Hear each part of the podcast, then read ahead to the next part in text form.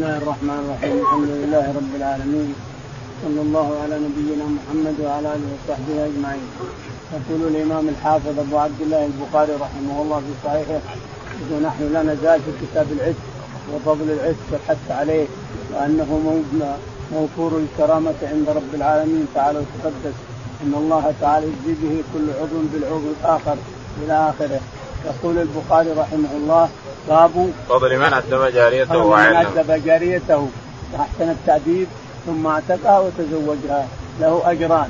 كما أن اليهودي والنصراني إذا أسلم بنبينا آمن بالرسول وبأنبيائه له أجران. وكما أن العبد له أجران إذا أدى ما عليه وأدى ما على لربه ولهم. له أجران. ثلاثة. كل واحد له أجران كما أخبر عليه الصلاة والسلام. يقول البخاري حدثنا إسحاق بن إبراهيم. إسحاق قال حدثنا محمد بن فضيل. محمد بن فضيل قال حدثنا مطرف. مطرف بن الشخير قال عن الشعبي. عن الشعبي عامر قال عن أبي بردة عن أبي موسى عن أبي بردة بن أبي موسى عن أبي موسى الأشعري رضي الله تعالى عنه أن النبي عليه الصلاة والسلام قال من كانت له جارية فأدبها فأحسن أدبها ثم تزوج ثم أعتقها لوجه الله ثم تزوجها. كان له أجران يوم القيامة. عنده جارية مملوكة له. جارية مملوكة له كاملة الملك له يطأها ثم بعد ذلك أدبها وعلمها وأحسن تأديبها وتعليمها. كان يطأها بملك اليمين لكن رأى أنها تكون زوجة أفضل فأدبها وأحسن أدبها ثم اعتقها ثم تزوجها. فله أجران عند الله تعالى وتقدم. وهم ثلاثة الذين كفل الله لهم بالأجرين منهم الرجل الذي العبد المملوك الذي أدى ما عليه لربه وأدى ما عليه لسيده بني آدم. أدى حق ربه وأدى حق مواليه. هذا له أجران. كذلك العامل الذي أدى العبد الذي الرجل الذي أدب الجارية فأحسن تأديبها. كذلك الذي آمن برب بالرسول عليه الصلاة والسلام وآمن بالأنبياء السابقين من النصارى أو اليهود له أجران عند الله تعالى وتقدس إلى آخره. نعم. باب قول النبي صلى الله عليه وسلم العبيد إخوانكم واطعموهم مما تأكلون. وقوله تعالى واعبدوا الله ولا تشركوا به شيئا وبالوالدين إحسانا وبذي القربى واليتامى وبذي القربى واليتامى والمساكين والجار ذي القربى والجار الجنب والصاحب بالجنب والصاحب بالجنب وابن السبيل وما ملكت أيمانكم. إن الله لا يحب من كان مختالا فخورا. بالقربى القريب والجنب القريب الجار الجنب يعني الصاحب في السفر. يقول البخاري رحمه الله حدثنا باب قول النبي صلى الله عليه وسلم العبيد اخوانكم. باب قول النبي عليه الصلاة والسلام العبيد يعني ممالككم إخوانكم نعم ملكك الله إياه لكن ما معناه أنه يستطيع أن تضربه أو تشتمه أو تشق عليه لا هو أخوك هو أخوك ولو كان عبدك لو كان مملوكك هو أخوك في الآدمية وأخوك في الإنسانية. وإذا أحسنت إليه صرت أنت وهو في الجنة سوا لأنك ربيته حتى حتى الرجل إذا ربيته وأدبته وأحسنت تأديبه صار لك صار لك مثل ما للمراه، المرأة نعم إذا اعتقت وتزوجتها صار لك أجر لكن هذا أيضا لك الأجر. فالرجل إذا أحسنت تاديبه وأدبته وعلمته الفرائض وعلمته الصلوات وعلمته كذا وعلمته ما يؤتيه عند الله لك أجر كبير عند رب العالمين. يقول البخاري حدثنا وقوله تعالى واعبدوا الله ولا تشركوا وقوله تعالى واعبدوا الله ولا تشركوا به شيئا. بدأ بعبادته تعالى وتقدس. أمرنا بعبادته تعالى وتقدس وهي لا نشرك به شيئا. أن نعبد الله وحده لا شريك له ولا نشرك به شيئا ولا ننقض لا إله إلا الله. إذا قلنا لا إله كثير من الناس ما يفهم الشرك ولا التوحيد كله عنده سوا لا إله إلا الله محمد رسول الله يا رسول الله يا بدوي هذا يعني كأنك توضيت ثم نقضت الوضوء ثم بلت هكذا هكذا. يعني الشهادتين صارت ملعبه عند الناس اليوم لأنه مو فاهم من وين هو رايح ما هو فاهم. كما قال علي رضي الله عنه يأتي على الناس زمان لا يبقى من الإسلام إلا اسمه ولا من القرآن إلا رسمه. يأتي على الناس زمان. لا يبقى من الإسلام إلا الاسم بس اسم الإسلام. جواز المسلم واسمه ما يدري وين هو حاج ولا رايح. حقيقي في الحج حقيقي في العمرة حقيقي في الصلوات ولا يدري وين هو رايح ولا وين هو جاي. لا إله إلا الله. محمد رسول الله. يا بدوي يا رفاعي يا رسول الله يا جلاني والآخر. ثم ينقض ما قيل يعني أدخل الشرك الأكبر وخرج من الإسلام. نعوذ بالله وهو لا يشعر. خرج من دخل في الإسلام ثم خرج منه وهو لا يشعر. وعامة الناس اليوم على هذا الشكل. أنه يقلل ويكبر وأنا مسلم ولكنه يدخل في الشرك وهو لا يشعر. يدخل في الشرك الأكبر الذي يخرجه من الإسلام وهو لا يشعر إلى آخره. ولا يعذر أحد بالجهل. يقول أنا جاهل. يقول لا ما يعذر أحد بالجهل. الجهل ما عذر الرسول به أحد. الله تعالى وتقدس أنزل كتاب وأرسل رسول وصار نور على نور فلا يمكن يعذر أحد بالجهل اطلاقا. فأنت تعلم كما أنك تعرف أن تبيع وتشتري وتكتب القرش كذلك تعلم دينك حتى تعرف دينك يا إنسان. وإلا فلا تعذر. يوم القيامة تسأل عن جميع ما فرطت به من دين الله وشرعه. فيقول اعبدوا الله. أول شيء قال اعبدوا الله ولا تشركوا به شيئا. اعبدوا الله ولا تشركوا به شيئا. عبادة الله لا تجعل معها خليط.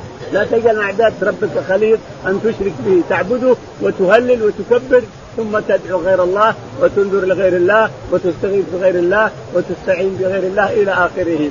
واعبدوا الله ولا تشركوا به شيئا وبالوالدين إحسانا. دائم في تعالى وتقدس يقرن حق الوالدين الاثنين بحقه تعالى وتقدس. فيقول بالوالدين احسانا. وقضى ربك ألا تعبدوا إلا إياه وبالوالدين احسانا. معنى هذا أن بعض الشباب الذي يتطوع قاتل بروح اقاتل قاتل فين؟ وين تقاتل؟ هل هنا جهاد في سبيل الله؟ ما في، ما في الأرض اليوم جهاد في سبيل الله، ولا في أحد يقاتل في سبيل الله، ما في، لكن أنت انظر والديك كما قال عليه الصلاة والسلام، ألك والدان؟ قال نعم، قال فيهما فجاهد، فيهما فجاهد، لحظة. لحظة تطالع بوجه أمك ولا وجه أبيك أفضل لك من جهاد كله، الجهاد اللي على وجه الله، اللي يقول انه جهاد وما جهاد، ما في جهاد في سبيل الله لأن ما في شيء يحرر الكفر، ينزع الكفر من الأرض، ما في، قتال بعضهم بعض، ناس يقولوا بعضهم وبعض، بعضهم يقتل بعض وهيجان يقتل بعضهم بعض، وقد أخبر حذيفة به أن الهرج سيكثر يوم القيامة، قبل قبل يوم القيامة، يقول من علامة الساعة أن الهرج هو القتل، القتال هذا ولا يقتل هذا وهذا يقتل هذا وهذا يتقاتلون على الملك وعلى الدنيا وعلى شيء. ما في شيء في سبيل الله. سبيل الله التي هو تحرير الأرض من الكفار ما فيه. ليكون كلمة الله العليا ما فيه. فالشاهد اعبدوا الله ولا تشركوا به شيئا. ثم قال وبالوالدين إحسانا. ثم قال وبذي القربى أيضا. قرابتك الإنسان أو عمانك خلانك أولاد عمك خالانك خالاتك عماتك كلها لازم تصلهن الإنسان. ولان النبي عليه الصلاة والسلام قال ان إن من بر الوالدين و و و والإحسان إلى الأقارب ولم إنه ينسئ ينسئ في الأجل ويكثر في الرزق. إذا بريت الإنسان والديك أو وصلت رحمك صار تنسى أجلك. تنسى يعني ما جعل الله فيه بركة. ولا الأجل لا يزيد ولا ينقص، الأجل اللي كتبه الله في اللوح المحفوظ ما يزيد ولا ينقص، لكن يبارك لك الله في أيامك، في الأيام يصير بركة بإذن الله، نسأ له في أجله وكثر رزقه، إذا بريت والديك واصلت رحمك نسأ الله في أجلك وبارك في رزقك، فالشاهد بالوالدين احسانا وذي القربى، قال واليتامى هذا المهم، واليتامى أيضا انظر لهم الانسان واعطف عليهم وتصدق عليهم. واليتامى والجار ذي القربى الجار الطيب. قالت عائشة رضي الله عنها من أبر يا رسول الله من جيرانك قال أقربهم باب. أن أقرب الباب بر فإذا كان عندك لحم الإنسان أكثر مرقه وأطعم جيرانك يمين ويسار. فأقرب باب إليهم هو الذي تبره الإنسان. ثم ما, ما يحيط بك من أربعين دار. أربعين دار تحيط بك من كل جهة. هذول يسمون جيرانك الإنسان والجار ذي القربى. ثم قال تعالى والجار ذي الجنوب الجار الجنوب اللي معك في السفر. انت وياه هو على ناقة وانت على ناقة. أو انت وياه في سيارة واحدة مسافرين. هذا تعطف الإنسان على رفيقك وهو جارك بالجنوب. انت بجنبه وهو بجنبك تعطف عليه وتبر فيه وترحمه وترفق به إذا كنت تسوق السيارة أو أنت معهم تعطف عليهم وتأمرهم وتنهاهم وتصلهم إلى آخره. والجار الجنوبي والصاحب ابن جنب وابن السبيل. ابن السبيل هو اللي يأتينا من بلاده من هناك ثم تضيع دراهمه كما يقول بعضهم إن صدق إن صح. يقول جيت هنا وسرقت دراهمي وقعدت بلا فلوس يا جماعة. جيت هنا وعندي دراهم ومعي شنطة واخذت واخذت فلوسي. هذا ابن السبيل اللي منقطعا به هنا. لا يستطيع أن يصل إلى بلاده أيضا نتصدق عليه من الزكاة المفروضة نعطيه من الزكاة المفروضة. لأنه أحد الثمانية التي اخبر تعالى وتقدس فيها ابن السبيل. إذا كان منقطع وظهرت فلوسه وضاعت وهو صادق فإننا نعطيه حينئذ. وابن السبيل والجار ذي القربى والجار الجنوب والصاحب وابن السبيل وما ملكت هذا الشاهد. الشاهد وما ملكت أيمانكم. يعني عبيدكم خولكم ما ملكت أيمانكم استوصوا بهم خيرا وأعطي خيرا وانظر إليه نظرة أخ. لا تنظر إليه نظرة عبد. وأنت سيد لا انظر إليه نظرة أخ. كأنه أخوك. وربما ينفعك. كثير من العبيد نفع مواليه أكثر مما ينفعه أولاده. نعم. قال رحمه الله دثنا آدم أبي قال دثنا شعبة قال دثنا واسل الاخدم قال سمعت المعرور بن سويد قال رأيت أبا ذر الغفاري رضي الله عنه عليه حلة وعلى غلامه حلة فسالناه عن ذلك فقال إني سببت رجلا فشكاني إلى النبي صلى الله عليه وسلم فقال لي النبي صلى الله عليه وسلم عيرته بأمه ثم قال إخوان إن إخوانكم وخوالكم جعلهم الله تحت أيديكم فمن كان أخوه تحت يديه فليطعم مما يأكل وليلبس مما يلبس ولا تكلفوهم ما يغلبهم فإن كلفتموهم ما يغلبهم فأعينوهم. يقول البخاري رحمه الله حدثنا آدم بن أبي آدم بن أبي قال حدثنا شعبة. شعبة قال حدثنا واصل الأحدب. واصل الأحدب. قال. عن المعرور بن سويد. عن المعرور بن سويد قال حدثنا قال رأيت أبا ذر الغفاري وعليه رايت ابا ذر الغفاري رضي الله تعالى عنه وعليه حلة يعني إزار ورداء وعلى غلامه المملوك له حلة إزار ورداء كلهم سوا. يقول سبحان الله أنت عليك حلة وأنت عليه وهو عليه حلة؟ قال نعم إني سببت رجلا حصل اني خصمت أنا واحد فسببته في أمه. فقلت يا ابن السوداء يعني هو رجل أمه جارية. فقلت اسكت ابن السوداء. فذا فشكاني إلى الرسول عليه الصلاة والسلام فقال إن سببته في أمه إن فيك خصله من خصال الجاهلية. قلت يا رسول الله وأنا في هذا السن في خصله من خصال قال نعم كيف تسبه بامه يا ابن السوداء على كأنه غلامه على كأنه مملوك تسبه بامه يا ابن السوداء ليش تسبه هذه من خصال الجاهلية. هذه نعرة من نعرات الجاهلية. عبيدكم خولكم إخوانكم وخولكم. أكرموهم أكلوهم ما تأكلون أطعموهم ما تطعمون ألبسوهم ما تلبسون اسقوهم ما تسقون ولا تكلفوهم ما لا يطيقون. فإن كلفته فأعنه. إن كلفت بشيء ثقيل عليه أعنه يا الإنسان. هكذا أوصى عليه الصلاة والسلام.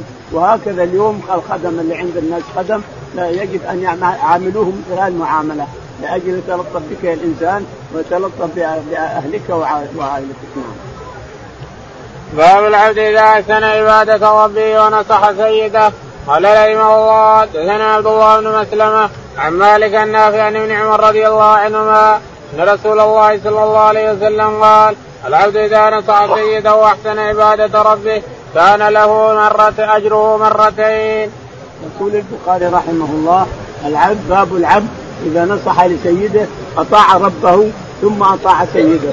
له الأجر مرتين كما سبق أن قلنا. له الأجر مرتين واليهودي والكتابي إذا آمن بالرسول عليه الصلاة والسلام وآمن بالأنبياء اللي قبله الأجر مرتين. والرجل إذا أدب المرأة الأمة واحسن تاديبها ثم اعتق وتزوجها له الأجر مرتين ثلاثة كما أخبر الرسول عليه الصلاة والسلام. يقول البخاري حدثنا عبد الله بن مسلمة. عبد الله بن مسلمة القعنبي قال حدثنا مالك عن مالك بن أنس قال عن نافع عن ابن عمر. عن نافع عن ابن عمر أن النبي عليه الصلاة والسلام قال نعم. العبد إذا نصح سيده أحسن عبادته. العبد المملوك إذا نصح لسيده وأطاع ربه ثم أطاع سيده فله أجر مرتين له اجره عند الله مرتين. إذا أطاع ربه تعالى وتقدس أدى حق ربه ثم أدى حق مواليه اذا أذن المؤذن صلى وإذا جاء صار رمضان صام وإذا جاء زكاة زكى ومع هذا يؤدي حق سيده على الوجه المطلوب. هذا له الأجر مرتين. نعم. قال رحمه الله دثنا محمد بن كثير قال أخبرنا سفيان صالح عن الشعبي عن أبي بردان أبي موسى رضي الله عنه قال قال النبي صلى الله عليه وسلم أيما رجل كانت له جارية فأدبها فأحسن تأديبها واعتكها وتزوجها فله أجرها. وايما عبد أدى حق الله وحق مواليه فله أجران. يقول البخاري رحمه الله حدثنا محمد بن كثير محمد بن كثير العبدي قال حدثنا سفيان الثوري قال حدثنا صالح. صالح بن كيسان قال عن الشعبي. عن الشعبي عامر قال عن أبي بردة بن أبي عن أبي بردة بن أبي موسى عن أبي موسى. رضي الله عنه أن النبي عليه الصلاة والسلام قال إن العبد إذا أطاع سيده وأطاع مولاه أطاع ربه ثم أطاع سيده فله أجران. والأمة إذا علمها وأدبها فاعتقها بعد تاديبها اعتقها ثم تزوجها فله أجران. والكتاب إذا أسلم بنبينا آمن بنبي ونبيه قبل فله أجران ثلاثة اخبر بهم الرسول عليه الصلاة والسلام. قال رحمه الله دثنا بن محمد قال أخبرنا عبد الله قال أخبرنا يونس عن الزهري أنه قال سمعت سعيد بن المسيب يقول قال أبو هريرة رضي الله عنه قال رسول الله صلى الله عليه وسلم للعبد المملوك الصالح أجران والذي نفسي بيدي لولا الجهاد في سبيل الله والحج وبر امي لاحببت أن أموت وأنا مملوك. يقول البخاري رحمه الله حدثنا؟ بشر بن محمد. بشر بن محمد قال حدثنا؟ عبد الله بن مبارك. عبد الله بن المبارك قال عن يونس بن يزيد. عن يونس بن يزيد الأيلي عن الزهري. عن الزهري قال عن سعيد بن المسيب عن سعيد بن المسيب عن أبي هريرة. عن أبي هريرة رضي الله تعالى عنه قال قال رسول الله صلى الله عليه وسلم للعبد المملوك الصالح أجران. قال أبو هريرة يقول النبي عليه الصلاة والسلام للعبد الصالح أجران. العبد الصالح الذي أطاع ربه ثم أطاع سيده له أجران. نعم.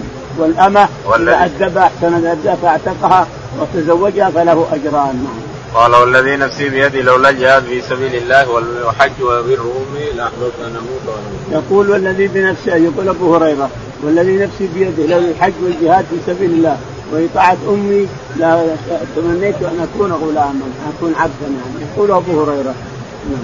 قال رحمه الله دثنا إسحاق بن نصر قال دثنا أبو سامان الأعمش قال حدثنا أبو صالح عن أبي هريرة رضي الله عنه قال قال النبي صلى الله عليه وسلم نعم ما لاحد يحسن عبادة ربه وينصح لسيده. يقول البخاري حدثنا؟ إسحاق بن نصر. إسحاق بن نصر قال حدثنا؟ أبو أسامة. أبو أسامة حماد قال حدثنا؟ الأعمش. الأعمش قال؟ أبو صالح السمان. أبو صالح السمان. قال عن أبي هريرة. عن أبي هريرة رضي الله عنه نعم.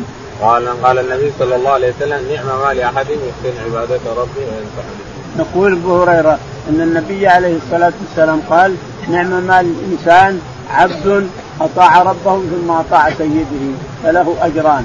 أنت يا الإنسان لك أجران. الرجل هذا اللي عمل له أجران وأنت يا سيده له لك أجران أيضا. باب كراهية التطاول على الرقيق وقوله عبدي وامتي وقال الله تعالى الصالحين من عبادكم وإمائكم. وقال تعالى عبدا مملوكا والف يا سيدها لدى الباب. وقال من فتياتكم المؤمنات. وقال النبي صلى الله عليه وسلم قوموا إلى سيدكم واذكر واذكرني عند ربك سيدك ومن سيدكم. قال رحمه الله دثنا مسدد قال دثنا يحيى عن عبيد الله قال حدثني نافع عن عبد الله رضي الله عنه عن النبي صلى الله عليه وسلم قال إذا نسى العبد سيده واحسن عبادة ربه كان له أجره مرتين. يقول البخاري رحمه الله باب كراهية التطاول على الرجل باب كراهية التطاول على الغلام على المملوك أو على غيره من بني آدم من الضعفاء والمساكين مكروه التطاول والتكبر والنفخ على إخوانك المسلمين سواء كانوا عبيد ومماليك أو أحرار لكنه ضعيف ما يقدر يرد عليك ولا يقدر يأتيك ولا يقدر يناطحك الإنسان لأنه يخاف منك فتنفخ وتشتم وتلعن هذا لا يجوز نعوذ بالله هذا حرام بين المسلمين لأنه أخوك. هذا أخوك المسلم أنت مسلم وهو مسلم. فهذا أخوك وهذا أخوك. سواء كان غلاما لك أو غلام لغيرك أو حر حر لكنه ضعيف. ما يقدر يرد عليك لأنك متكبر متجبر. فيقول البخاري نعم. وقوله عبدي أو أمتي. وقوله يعني يكره أن يقول إنسان عبدي وأمتي. بل يقول فتاي وفتاتي. لا تقول فلان عبدي ولا تقول فلانة أمتي. لأن العبد لله تعالى والفتى والفتى والفتى الفتاة لرب العالمين. فتاة رب العالمين والعبد لرب العالمين. لكن قال لها فتايا أو فتاتي. لا تقول عبدي وأمتي. العبد لله والأمة لله. لكن يقول هذا فلان فتايا وهذه فلانة فتاتي. يعني أنا أملكهم. أملك هذا وهذا. لأن هذا اللفظ ألطف لك الإنسان وأوضع لك وأحسن للتواضع. قال قال تعالى والصالحين من عبادكم قال تعالى والصالحين من عبادكم وأيمان يعني وأنكحوا الأيام منكم والصالحين من عبادكم وإمائكم أنكحوا دعك يخطب أنكحوا الأيام يعني الأيام اللي ما تزوج. الأيام المرأة تكون أيم ما تزوجت والرجل قد يكون أيم إذا ما تزوج. يسمى الأيام يطلق على الاثنين على المرأة والرجل. يقول تعالى وتقدس وأنكحوا الأيام منكم. يا إنسان يخطب زوجه الإنسان. يا إذا أنت تريد تخطب امرأة تزوجها ما عليك. الأيام والصالحين من عبادكم وإمائكم يعني وزوجوا الصالحين من عبادكم وإمائكم يعني المماليك.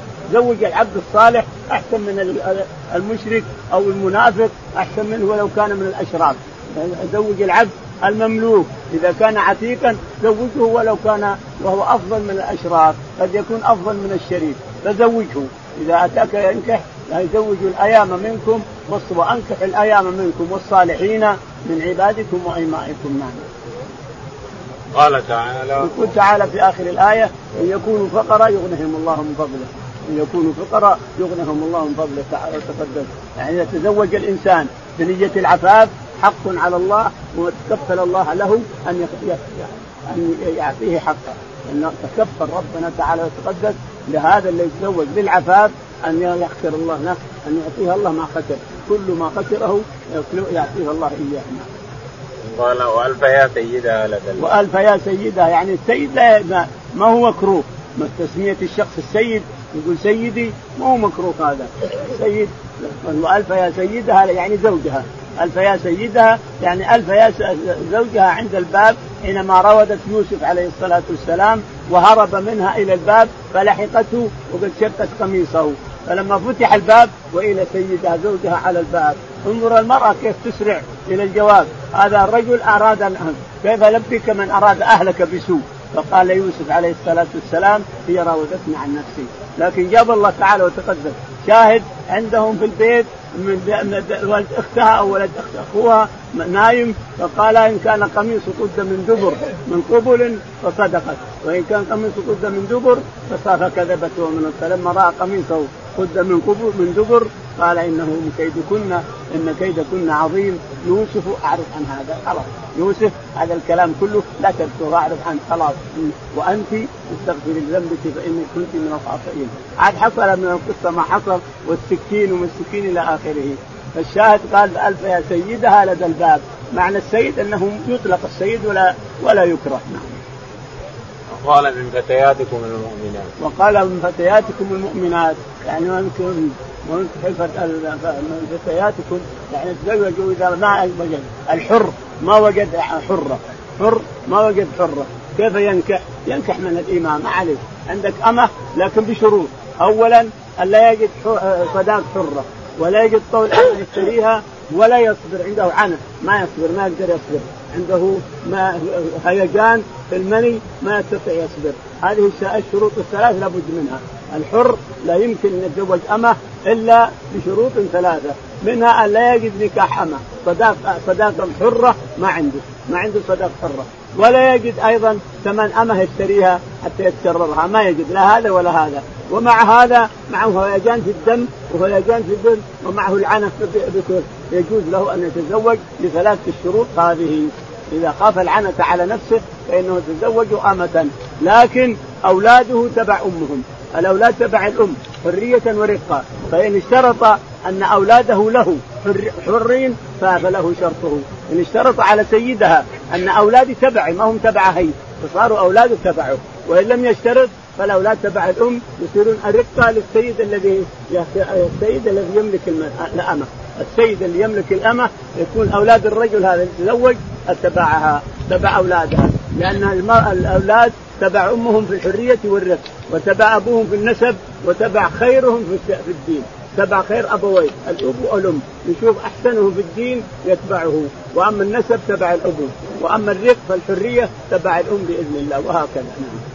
وقال النبي صلى الله عليه وسلم قوموا إلى وقال عليه الصلاة والسلام حينما حكمت قريضه نزلوا نزلوا على حكم سعد ابن معاذ رضي الله تعالى عنه وهو مريض في الخيمة. أرسل له الرسول عليه الصلاة والسلام على حمار وجاء يمشي ثم قال قوموا إلى سيدكم، ليش؟ ليقوي حكمه عليه الصلاة والسلام، الرسول يريد أن يقوي حكم سعد بن معاذ رضي الله عنه، لما قال قوموا إلى سيدكم، يعني سيد هل سيدكم سيد المهاجرين الأنصار ولا سيد بني قريظة؟ المهم قال قوموا إلى سيدكم، فطلب منه الرسول الحكم فحكم بما أنزل الله تعالى فوق سبع أربعة. يقول لقد حكمت فيهم بحكم الله من فوق سبع سماوات. ومن قتل مقاتلتهم الذي أنبت يقتل والذي ما أنبت يبقى ونسب النساء والأطفال الذي ما أنبتوا. أما من أنبت الشعر الخشن حول قبله فإنه أو احتلم فإنه يقتل. والذي ما أنبت يبقى فدي يسبى ويفرق. فرقوا كلهم نساءهم وأولادهم على المسلمين إلى آخره. نعم. ومن سيده؟ نعم. قولي من سيده؟ وقال من سيدكم؟ يقول الرسول عليه الصلاة والسلام من سيدكم؟ قالوا الجد بن قيس. قال بئس. بل سيدكم الأشعث بن قيس. قال سيدنا الجد بن قيس. قال لا سيدكم الأشعث بن قيس. من سيدكم؟ يقول الرسول عليه الصلاة والسلام. لكن هناك لفظه نهى عنها الرسول. لا لا تقولوا سيدنا. لا تقولوا سيدنا. نهاهم الرسول عليه والسلام. قال رحمه الله دثنا مسدد قال دثنا يحيى عن عبيد الله قال دثني نافع عن عبد الله رضي الله عنه ان النبي صلى الله عليه وسلم قال إذا نسى العبد سيده واحسن عبادة ربه كان له أجره مرتين. يقول البخاري رحمه الله حدثنا مسدد. مسدد. قال حدثنا يحيى بن سعيد. علي بن سعيد. قال يحيى بن سعيد. يحيى بن سعيد قال حدثنا عبيد الله بن عمر. عبيد الله بن عمر العمري قال عن نافع عن ابن عمر. عن نافع عن ابن عمر أن النبي عليه الصلاة والسلام قال نعم. إذا نسى العبد سيده واحسن عبادته. إذا نسى العبد سيده يعني ما عليه لربه ثم ما عليه لسيده كاملا صار من أهل له أجرين لهم أجرين من أهل الاجرين نعم.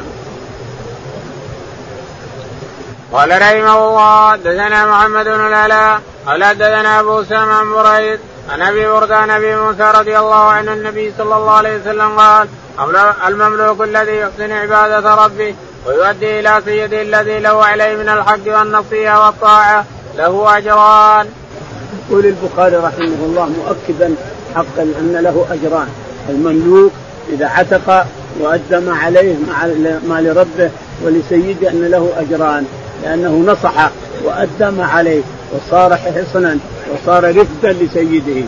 يقول البخاري حدثنا محمد بن العلاء. محمد بن العلاء أبو كريب قال حدثنا أبو أسامة. أبو أسامة حماد قال حدثنا بريد بن بريد بن أبي بردة عن ابن أبي موسى عن موسى أبي موسى الأشعري رضي الله عنه أن النبي عليه الصلاة والسلام قال إن العبد إذا نصح لربه أدى حق ربه ثم أدى حق سيده له أجران عند رب العالمين.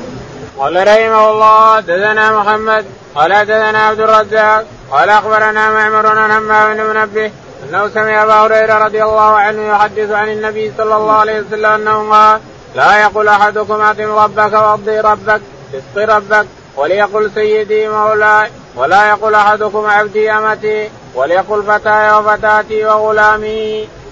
يقول البخاري رحمه الله حدثنا محمد. محمد قال بكندي قال حدثنا عبد الرزاق. عبد الرزاق الصنعاني قال حدثنا معمر بن راشد. معمر بن راشد قال عن همام بن منبه. عن همام بن منبه قال عن أبي هريرة. عن أبي هريرة رضي الله تعالى عنه أن النبي عليه الصلاة والسلام نهى أن يقول إنسان سيدي أو آه، لا يقول أحدكم أطعم ربك أطعم ربك أو وضع ربك ما يجوز هذا اذهب تعال فلان وضع ربك تعال فلان أطعم ربك. تعال فلان أسقي ربك يعني سيدك. هذا لا يجوز لفظة ربك لا يجوز. قال وليقل سيدي مولاي. وليقل سيدي ومولاي. يعني سيدي ومولاي أطعم سيدك وضع سيدك. وقال ولا يقول أحدكم عبدي وامتي ولا يقول أحدكم عبدي وأمتي بل يقول فتاي وفتاتي لأن العبودية لله رب العالمين وحده لا شريك له. والأمة أمة رب العالمين الإماء كلها إماء رب العالمين تعالى وتقدس نعم. قال رحمه الله دثنا أبو النعمان قال دثنا جرير بن حازم النافع عن ابن عمر رضي الله عنهما قال قال النبي صلى الله عليه وسلم من اتك نصيبا له من العبد فكان له من المال ما يبلغ قيمته يقوم عليه قيمة عبد واعتق من ماله وإلا فقد اتق منه. يقول البخاري مكررا ما سبق. يقول حدثنا أبو النعمان. أبو النعمان معارم قال حدثنا جرير بن حازم. جرير بن حازم. قال النافع عن ابن عمر. نافع عن ابن عمر أن النبي عليه الصلاة والسلام قال من اعتق شركا له في عبد عتق منه ما عتق. فان كان غنيا المعتق غني عتق عليه العبد كله. ولا عاد يرجع المملوك هذا اللي عتق ما عاد يرجع عبد خلاص صار حر. وإن كان ما هو غني كلف العبد. في رواية العبد يكلف أن يشتغل حتى يعتق هدى ولكن لنعرف أنه يكلف المعتق. المعتق هذا الذي أعتق نصيبه يكلف أن يشتغل حتى يؤدي ما عليه لشركائه مثل الكتابة. يؤديها كتابا. كل شهر يؤدي لهم كذا كل شهر كذا حتى يعتق العبد نعم.